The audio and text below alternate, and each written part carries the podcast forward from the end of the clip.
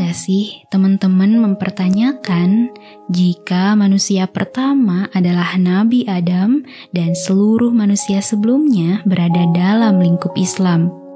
Lantas, kenapa ya bisa muncul kemusrikan?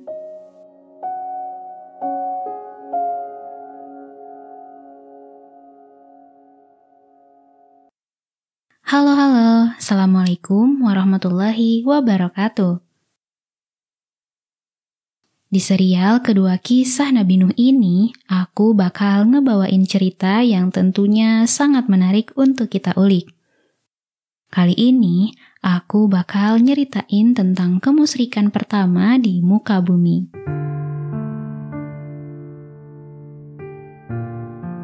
Oh ya teman-teman, sumber utama cerita ini adalah tafsir Quran surat Al-A'raf ayat 59 sampai 62 oleh Ibnu Katsir ya. Teman-teman juga bisa nih buka tafsir Qur'annya sendiri. Tafsirnya bisa dibuka lewat Google loh. Tinggal search tafsir Quran Ibnu Katsir surat sekian ayat sekian. Setelah itu pasti deh ketemu pembahasannya. Selamat mencoba.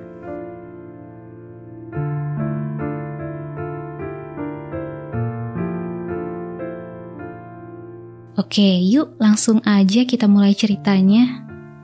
Pada episode sebelumnya, kami telah menceritakan bahwa sebelum Nabi Nuh lahir, umat manusia telah hidup selama ribuan tahun. Selama rentang waktu tersebut, mereka masih berada pada lingkup Islam. Walau tetap saja saat itu telah ada perbuatan dosa.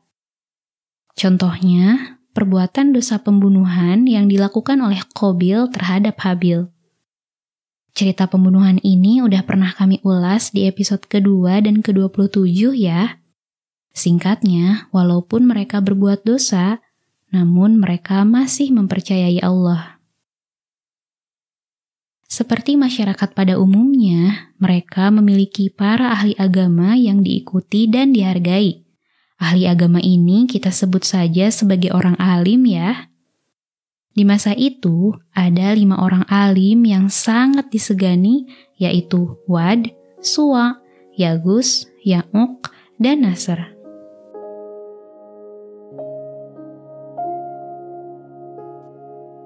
Ketika kelima orang alim tersebut meninggal, kaum Nabi Nuh membuat makam yang megah sebagai bentuk penghargaan untuk si orang alim. Selain itu, mereka juga membuat gambar-gambar para orang alim yang telah meninggal sebagai pengingat. Kaum Nabi Nuh juga sangat yakin bahwa apa yang mereka lakukan adalah hal yang benar dan baik. Tak cukup dengan sebuah gambar, mereka lalu membuat patung-patung replika si orang alim. Dengan adanya patung, mereka menyangka akan bisa semakin giat untuk mengingat dan meniru perbuatan baik si orang-orang alim. Awalnya, niatnya masih lurus, hanya sekedar untuk menghormati si ahli ilmu, tanpa mempersekutukan Allah. Namun, tentu saja sedikit demi sedikit, setan memanfaatkan kondisi ini. Saat generasi pembangun patung telah tiada, generasi selanjutnya mulai menyimpang. Mereka mulai mengutarakan masalah mereka pada patung-patung. Mereka curhat pada patung. Setan tentu saja nggak tinggal diam. Setan lalu membisikkan solusi atas masalah yang diadukan. Hingga ramailah orang mendatangi patung. Lambat laun, patung-patung diperbanyak karena lima patung tak cukup untuk menampung kunjungan masyarakat. Apalagi di saat itu, suhuf-suhuf sudah mulai ditinggalkan dan dilupakan. Aturan Allah sudah tidak lagi dijadikan pedoman dalam berkehidupan.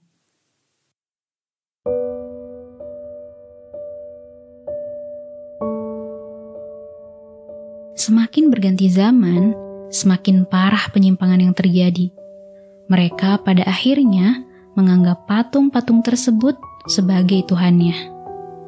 Kemusyrikan mulai merajalela. Untungnya, di tengah penyimpangan yang terjadi, masih ada keluarga pengembala yang mengenal Allah. Keluarga inilah yang akhirnya melahirkan Nabi Nuh. Allah lalu mengutus Nabi Nuh alaihi salam untuk meluruskan akidah masyarakat. Nabi Nuh memerintahkan masyarakat agar menyembah Allah dan tidak menyekutukannya. Dalam Quran Surat Al-A'raf ayat 59 60 tertulis percakapan antara Nabi Nuh dan masyarakatnya. Nabi Nuh memerintahkan masyarakat agar menyembah Allah dan tidak menyekutukannya. Dalam Quran Surat Al-A'raf ayat 59 60 tertulis percakapan antara Nabi Nuh dan kaumnya. Wahai kaumku, sembahlah Allah. Sekali-kali tidak ada Tuhan bagi kalian selainnya. Sesungguhnya kalau kalian tidak menyembah Allah, aku takut kalian akan ditimpa azab hari yang besar, yaitu azab hari kiamat apabila kalian dihadapkan kepada Allah, sedangkan kalian dalam keadaan musyrik mempersekutukannya. Pemuka-pemuka dari kaumnya berkata, Sesungguhnya kami memandang kamu berada dalam kesesatan yang nyata.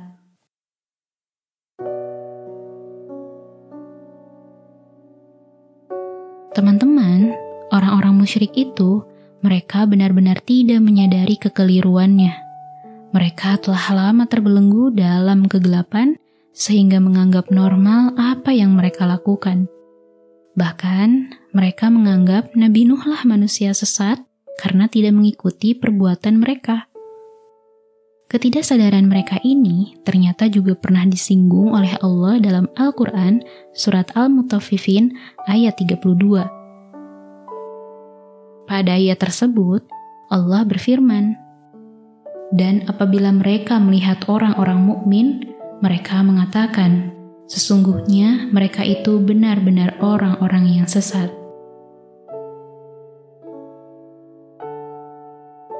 Orang-orang musyrik ini memiliki standar kebenaran yang keliru. Mereka membenarkan apa yang salah dan menyalahkan sesuatu yang benar. Mereka tidak sadar bahwa standar kebenaran yang menyimpang akan merugikan diri mereka sendiri. Teman-teman, sebagai seorang Muslim, mau tidak mau, standar kebenaran kita adalah Al-Quran dan As-Sunnah. Dua hal itu harus kita pegang kuat-kuat agar standar kebenaran kita tidak menyimpang. Kalau standar kebenaran kita menyimpang, maka akan menyimpang pula pola pikir dan perilaku kita. Bahaya banget kan? Al-Quran itu adalah sumber kebenaran yang mutlak. Bahkan, Al-Quran inilah yang menjadi pemandu menuju jalan yang diridhoi Allah.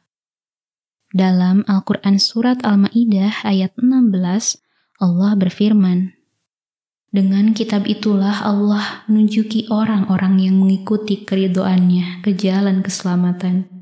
Dan dengan kitab itu pula Allah mengeluarkan orang-orang itu dari gelap gulita kepada cahaya yang terang benderang dengan seizinnya. Dan menunjuki mereka ke jalan yang lurus.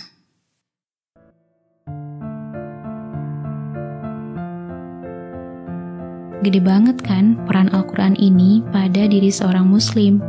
Sehingga Al-Qurannya dibaca ya, lebih bagus sama artinya, dan lebih bagus lagi dengan tafsirnya.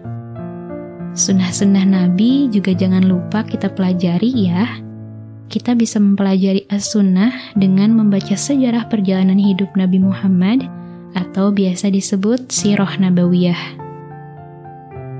Yuk kita lanjutkan lagi perjalanan kisah Nabi Nuh. Waktu dituduh sebagai manusia sesat, tentu saja Nabi Nuh gak tinggal diam.